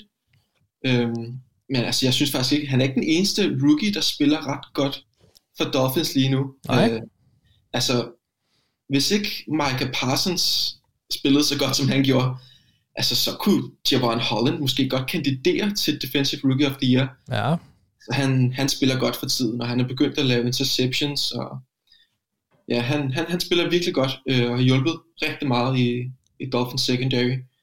Og en Jalen, Jalen Phillips er også begyndt at røre på sig 5-6 de sidste tre kampe. Tre af dem kom godt nok mod en sløj øh, O-line for Panthers i sidste uge, men altså, han er da begyndt at røre mere og mere på sig, Jalen Phillips. Ja, det, det er også noget, jeg havde, havde tænkt, jeg skulle snakke lidt om. Altså, han, han havde 3-6 sidste uge. Øh, ja, og det var måske ikke den sværeste modstander, men det er trods alt 3-6, og han havde også en del pressures. Ja. Øhm, og han linede både op på, på defensive end og så defensive tackle. Og det, det fungerer egentlig meget godt. Øhm, så ja, de rookies der, de, der er deres, deres tre top rookies, de er begyndt at præstere rigtig godt. Øhm, og det er altså, og så special teams også lige pludselig, altså de blokerer, at det er punt, som fører til et touchdown øhm, her i, i weekend mod Panthers. Ja. ja vi, ser, vi ser noget gejs for hele holdet lige pludselig, der begynder at arbejde mere sammen. Ja, lige præcis, og det, det er præcis det, jeg sådan ligesom forbinder med, øh, med Brian Flores hold. Ja. En, en offensiv, som laver spil nok, og så en defensiv, der, der spiller rigtig godt, og så selvfølgelig øh, spiller øh, skarpt på, på special teams. Ja, jamen øh, det er, det er en vild historie, og hvis de bare på nogen måde ender med at komme i nærheden af, og, og, og det snakkede vi jo om, altså, men om at kommer i slutspillet, ikke? Altså, de har en godt nok en bye week, men som Thijs også nævnte, Giants, Jets, Saints, så er der så Titans og Patriots, men det er, det er resten af kampen ud, ikke?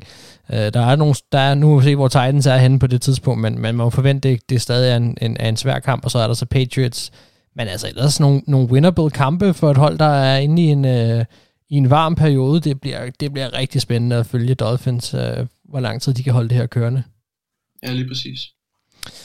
Søren, jeg kan se, at vi skal snakke lidt om øh, det, der var min Super Bowl-favorit i vores offseason, nemlig LA Rams. Øh, jeg går ud fra, at det har noget at gøre med, at de har tabt et par kampe i træk, eller hvad?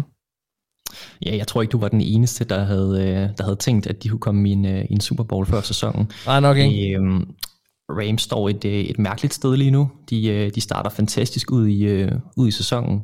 Øh, nu har de tabt tre kampe i træk og, og ligner et helt andet hold.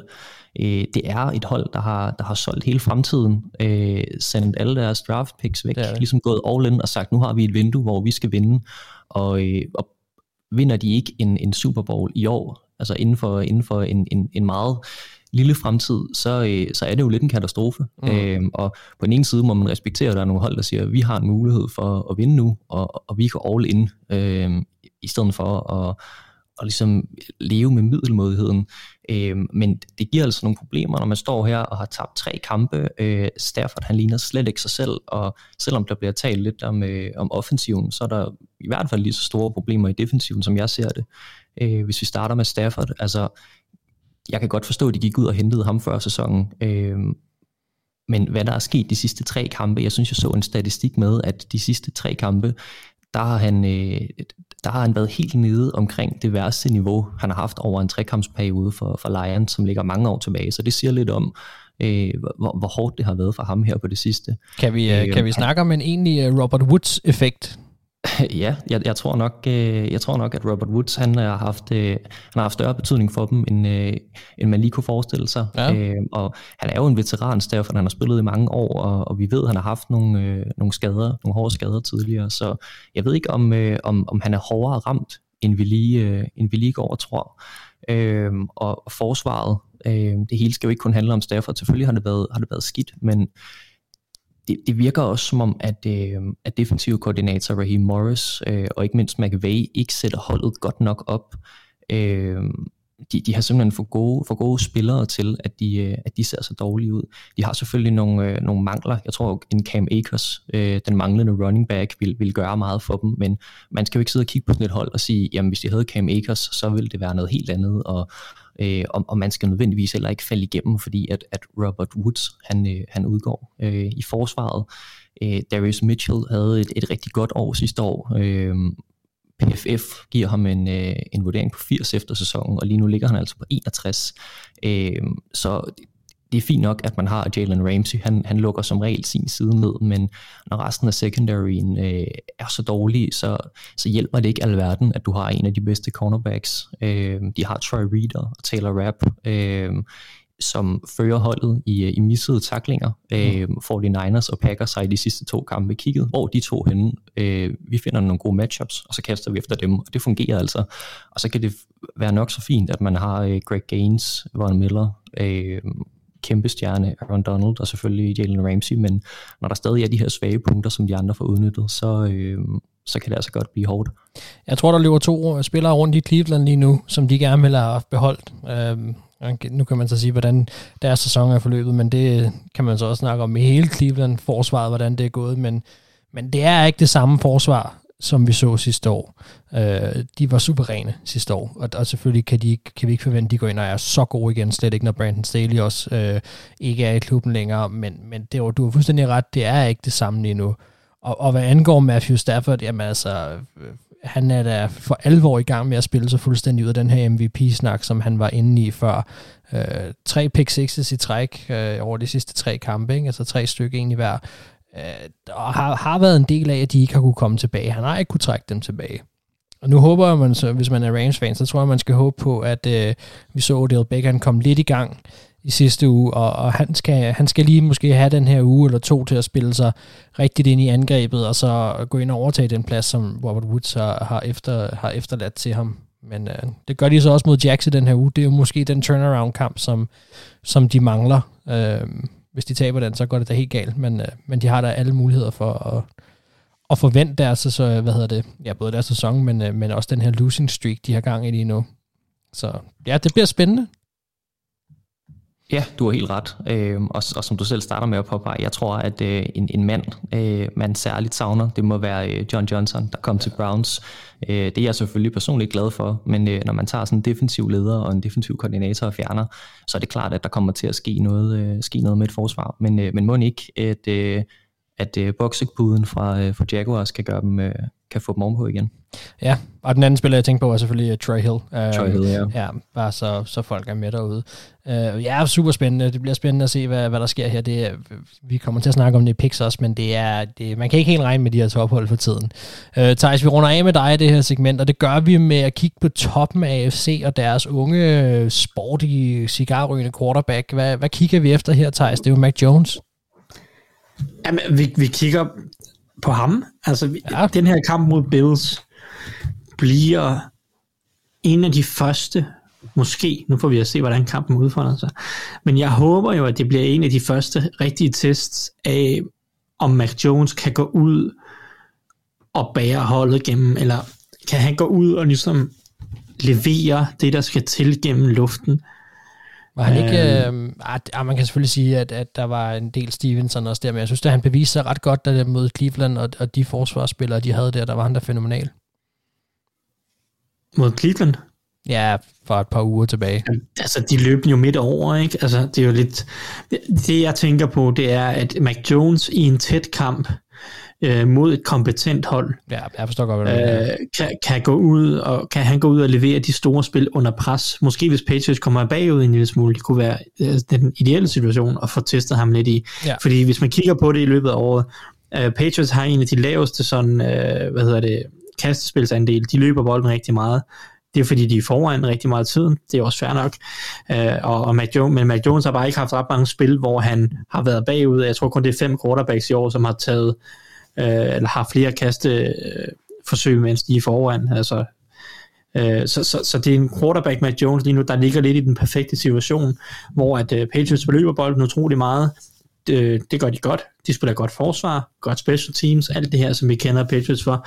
Og så Mac Jones øh, går ind bare og leverer, så ved, øh, kloge beslutninger, præcise kast, og så du ved, et, et par gange i løbet af en kamp levere et, et godt kast. Øh, og jeg vil gerne se Mac Jones under pres, under seriøst pres, under situationer, hvor de er tvunget lidt mere til at kaste den lidt oftere. Øh, kan han gå ud og, og levere igennem en hel kamp? Øh, og det synes jeg, det er jo ikke fordi, at, at altså det, er for, det, det er super afgørende for, om Patriots ligesom kan gå hele vejen i år. Det er at se, om Mac Jones kan levere i de der situationer, for det er svært at forestille sig, at Patriots går gennem et helt slutspil, uden at Mac Jones vil være presset til øh, og, og øh, hente et touchdown eller to, mm. eller at øh, skal ud og levere i fjerde kvartal et game-winning drive, et eller andet. Altså øh, nogle, nogle situationer, hvor at det er åbenlyse kastesituationer, og hvor det er Mac Jones af kasteangrebet, der skal ud og levere varen. Øh, fordi det har vi bare ikke set ret meget i år. Øh, og, og det hele er ligesom bare, det, det går ligesom bare derud af, at de har haft en periode, hvor de måske ikke har mødt så mange gode hold, og levet meget af løbespillet. Men altså, når vi ser her i weekenden hold som Titans, jeg synes ikke, at Jones spillede så godt. Det kan godt være, at stats øh, var okay i perioder og sådan noget, men jeg synes, der var, der var flere missede kast, end, jeg, øh, end han har haft øh, tidligere i sæsonen. Øh, han tog nogle sacks, øh, han kunne være blevet interceptet et par gange. Øh, altså, nogle af de her ting mod et, et, et ret velspillende Titans hold, det glæder mig til at se mod Bills hold, som formentlig kommer med et endnu bedre forsvar, end Titans gjorde. Øh, jeg håber i hvert fald, at Bills forsvar møder op, og ikke bare bliver løbet over, som jeg nævnte tidligere, at de gjorde det blevet, eller er blevet et par gange. Jeg håber, at Bills de kan stoppe løbet øh, fornuftigt i den her kamp, så vi kommer til at se Mac Jones skulle ud og gå toe-to-toe med, med Josh Allen. Øhm, der er ikke nogen garanti for, at det lykkes, eller øh, at Patriots øh, forsvar ikke bare kvæler Bills angreb, eller hvad ved jeg. Men det er en rigtig god mulighed for at se, om Mac Jones virkelig kan levere varen øh, under hårdt pres øh, for at kaste bolden.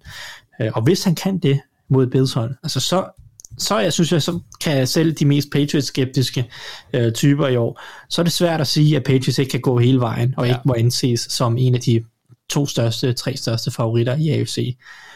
Øhm, så det er en rigtig god test for, altså hvor gode kan Patriots være i år? Altså hvad er deres, hvad er deres øh, potentiale øh, med Mac Jones ved ordet? Jeg kan bare sige, at jeg håber virkelig, du får ret, fordi jeg er også super interesseret i at se, hvad, hvad Mac Jones i virkeligheden gemmer på. Jeg synes, vi har set glimt af ting, der kan være rigtig spændende, men som du også selv siger, han har ikke været under det her pres endnu, øh, og, og lad os håbe, at det her topopgør bliver et topopgør, og det ikke bare bliver en af holdene, der kører den anden af banen. Det bliver spændende. Nu skal vi videre. You must choose. But choose wisely. Og så skal vi til det. Vores Nemesis, vores Waterloo, vores udgave af 1864, der efterhånden får Ole Bornedals sci-fi magtværk til at ligne The Godfather. Vi skal til at sætte pics. Og Thijs, min pep talk i sidste uge, det var åbenbart ikke nok, fordi vi ramte 8 ud af 15, og er nu for femte uge i træk under 66,6 procent. Vi er nu 58 procent for sæsonen. Det gør nas. Jeg, jeg vil jo påpege, at nogle af dem, som vi var uenige om sidste uge, der tror jeg, jeg ramte flere. Altså, jeg, jeg ramte Ja, ja, det ved jeg ikke. Nej, altså, jeg, jeg ramte også siden af nogle gange, men altså... Nå, okay. Går det lige op i sidste ende, eller hvad? Ja, det gør det måske øh, i sidste ende, men øh, ja, jeg synes, at øh, nogle af dem, som vi flippede lidt, øh, dem, dem havde jeg da i hvert fald. Mønt, møntkastet virkede, det kan være, at vi skal gå mere til det. Det gjorde det, ja, og det var måske faktisk netop noget, vi skulle til at tage mere fat i. Jeg vil altså også lige sige, vi kan trøste os med, at det virker mere til, at der er noget galt med NFL, end der er med os. Fordi ham, der var bedst i Dog i sidste uge, det var Brian Nørmark, skud til dig, Brian, og han ramte af 9 ud af 15. Så egentlig er vi jo ret tæt på det, vi må beskrive som toppen. Altså, men NFL kan bare gå lige og lege med os i år. Nu håber jeg lidt, at den her nye assistance, vi har i kontoret, kan hjælpe. Og, og for første gang, jeg ved ikke, hvor lang tid, så agerer I jo selv tiebreakers den her uge. Jeg kommer ikke til at have nogen indflydelse. Det bliver nok første gang overhovedet, egentlig jeg ikke har det. Det ved jeg ikke, om jeg har det så godt med, men, øh, men, men sådan er det. Jeg skal nok holde mig ude af det. Og så kan det være, at det er bedst for os alle sammen. Jeg synes bare, at vi skal springe ud i og, og få sat nogle picks til første kamp, og øh, det gør vi med Saints og Cowboys. Thijs, hvem vinder den kamp? Jamen, øh, jeg tager Cowboys, det kan der ikke være så meget tvivl om. Det er jo for min i Taysom Hill, der er quarterback, så det, det kan godt blive meget sjovt at se, uh, hvad han kan, men uh, må det ikke, at Cowboys de vinder den her rimelig komfortabelt. Ja, Søren, hvad siger du? Jeg tror også, det bliver en sjov kamp at se, øh, men jeg tror, at Cowboys de tager den her. Det er jeg helt enig i. Ja, Jamen, så har vi jo allerede valgt uh, Cowboys, men Victor, skal vi lige have din, uh, din stemme med? Ja, det kan vi godt. Jeg tager også Cowboys. Godt. Jamen, så er vi jo enige der. Så har vi Dolphins og Giants. Hvem siger du, Victor? Jamen, øh, jeg tager Dolphins. De, øh, de ser stærke ud for tiden, og Giants kan ikke rigtig bevæge bolden på offensiven, så jeg tager Dolphins. Der er noget med, Daniel Jones har en nakkeskade. Jeg ved ikke, om det er noget, der direkte gør, at han ikke kommer til at spille, men han er der, hvis Det gør han ikke. Nej, det gør han ikke. Det, er- det, det er jeg ret sikker på. Det synes jeg, jeg har set flere steder. Han er øh, meldt ud, ja. Om, at han Ja. er questionable. Okay. Jamen, så, øh, yes. Jamen, øh, så har vi lige det på plads også. Hvad siger du, Søren? Øh, jamen, apropos Daniel Jones, altså det er, jo, det er jo ærgerligt, at vi måske ikke kommer til at se det her New York Giants øh, hold med en, med en offensiv, hvor alle er klar. Der er hele tiden nogen, der er ude, og det kunne være et sjovt hold at se, hvis, øh, hvis alle de offensive spillere kunne, øh, kunne få lov at få lidt tid sammen. Øh, men med eller uden øh, Daniel Jones, så er jeg altså også på, på Dolphins i den her. Yes. Jamen, så har vi jo gået med Dolphins. Thijs, skal du lige være være med? Ja, det, ja, og især fordi Mike Glennon nu er, er quarterback. Altså jeg, ja, jeg skal lige se, om jeg kan finde uh, Dolphins uh, forsvar i Fantasy Ligaen rundt omkring. Ja, det tror jeg er en god idé. Jeg håber ikke, du møder mig. Eller også håber jeg, jeg kan møde, sætte den før. Nå, så har vi uh, Texans mod Colts. Thijs, skal vi, sla- skal vi ligge ud der? Hvad siger du? Ja, det bliver, det bliver Colts. Ja. Jeg synes faktisk, de spillede godt i weekenden. Det var, det var ja. ja. Yes. Jamen, uh, hvad siger du, Victor? Ja, jeg hopper også på Colts. Men er vi jo rørende enige indtil videre, Søren? Er det, er det 60 damit? Ja, det bliver det nødt til at være. Vi går med Coles. Så har vi øh, braget Detroit Lions mod Minnesota Vikings. Søren, hvad siger du der? Man bliver jo ved med at vente på, at der er nogen, der for alvor falder øh, til Lions. Det skal i den her Øh, uge, det siger jeg bare. Det kommer ikke til at ske.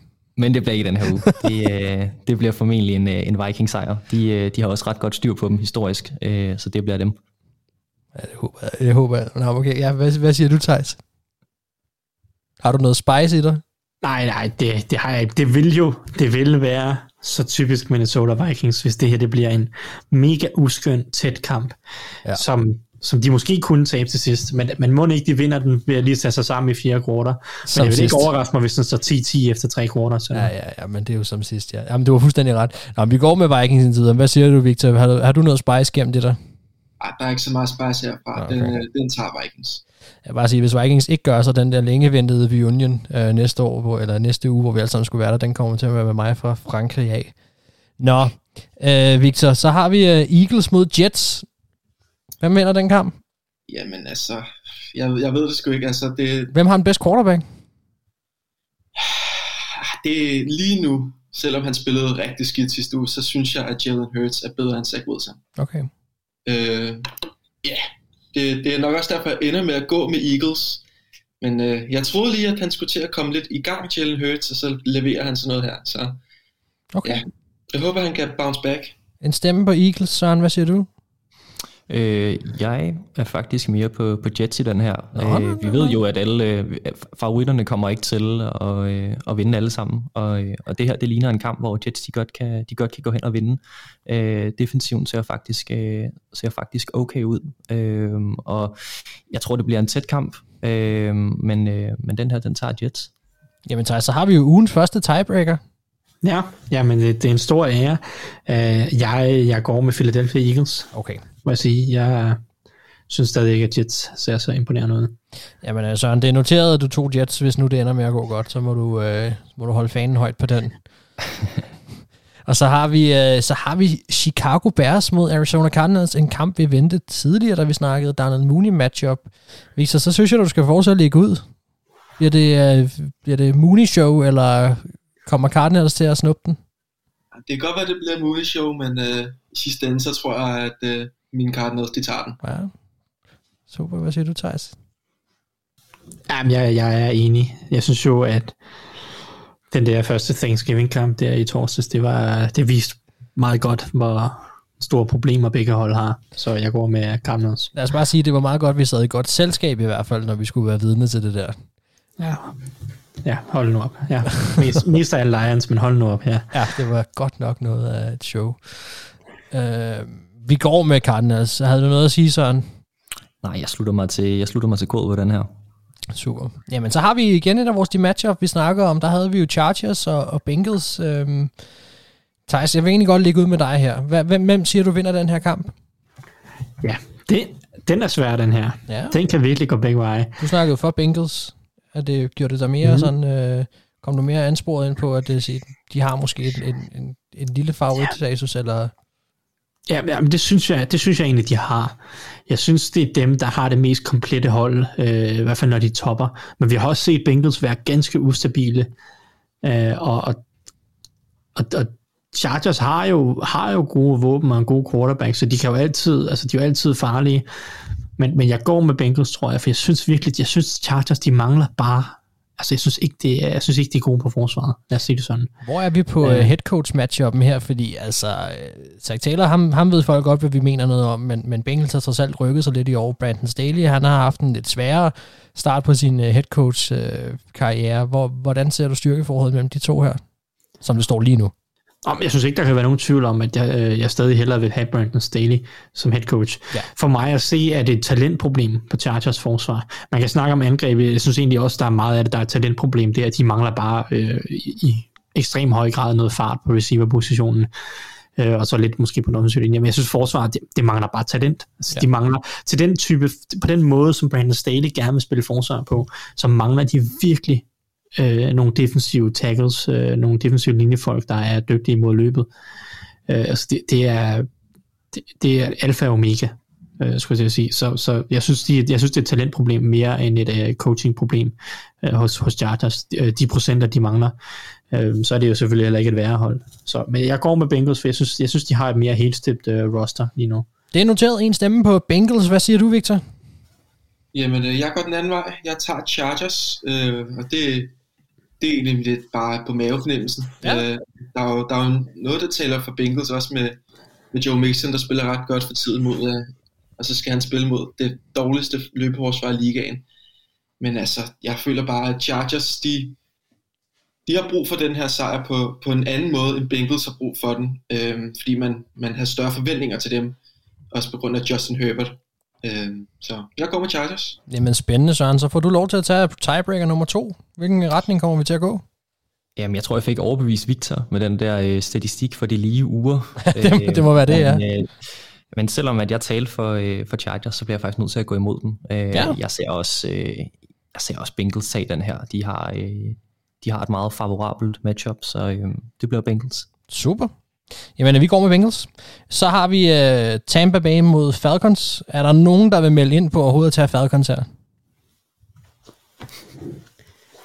Den Radio silence. Ja, den stillhed tager vi som en box sejr. Så rykker vi til Rams mod Jacks. Der kan jeg sådan set sige det samme. Er der nogen, der tror, at Trevor tager den her? Vi går med Rams. Hvis de skal vinde på noget tidspunkt i sæsonen over øh, Rams, øh, ja, så skal det være nu. Men det, øh, det bliver helt sikkert Rams alligevel. Vi går med Rams. Så har vi Raiders mod Washington. Et opgør, vi også har været lidt inde på. Thijs, hvem tager vi her?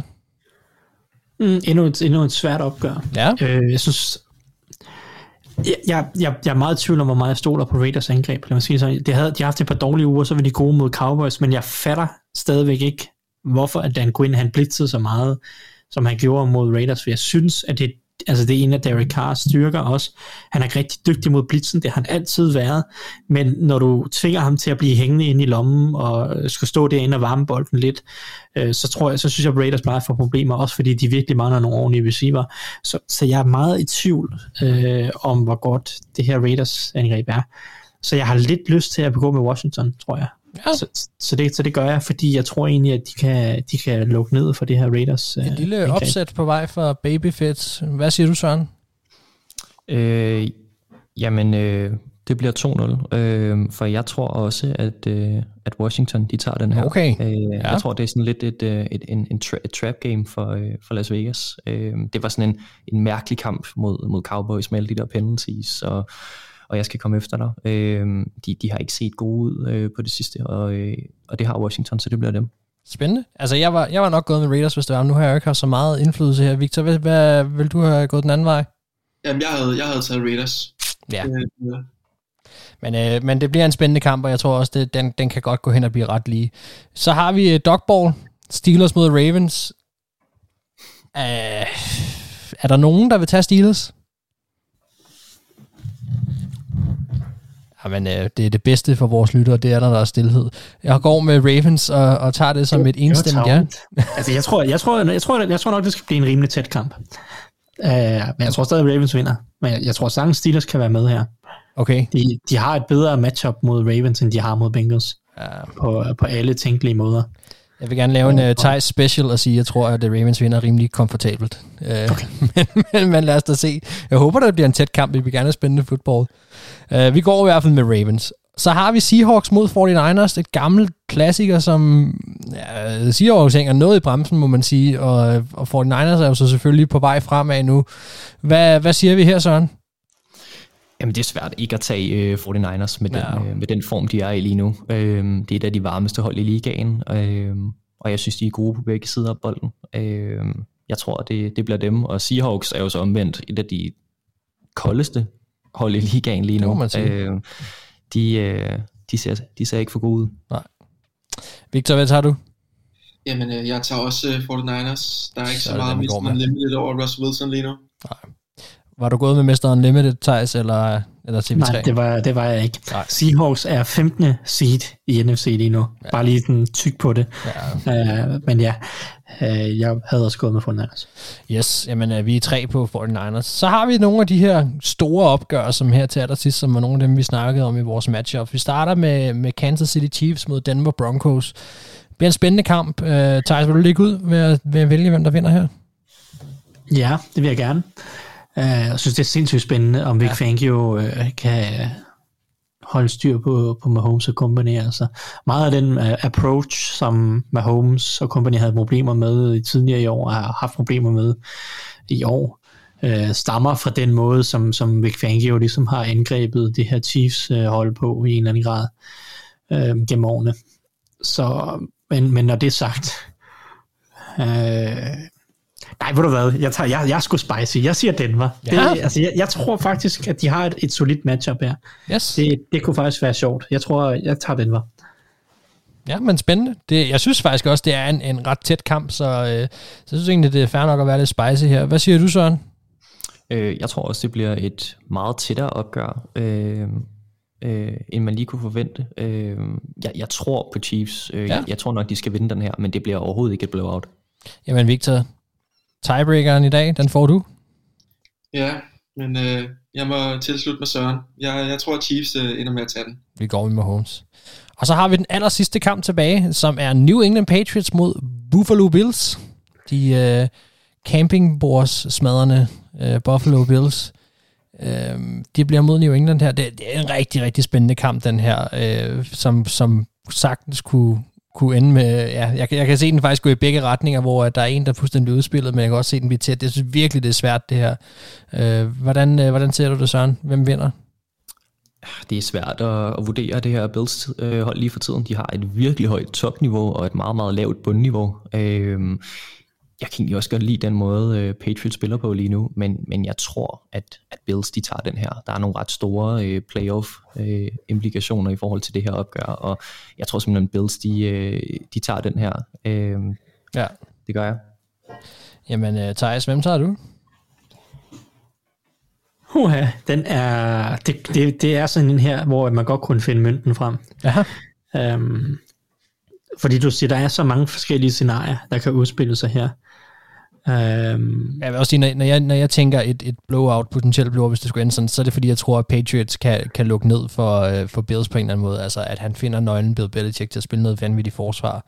Uh, og, og, altså, ja, jeg er enig, det, det, det er et rimelig sandsynligt scenarie. Jeg kunne også sagtens se, at det blev blowout den anden vej, ja. hvis, hvis Bills forsvar bare kommer ud og baller, øh, og, og, og lukker ned for løbet og tvinger Mac Jones ud i en masse ukomfortable situationer, øh, og, og Josh Allen har en god kamp, så kan det også sagtens gå den anden vej. Så altså, for mig, altså, det, kan, det kan gå i alle retninger, det her.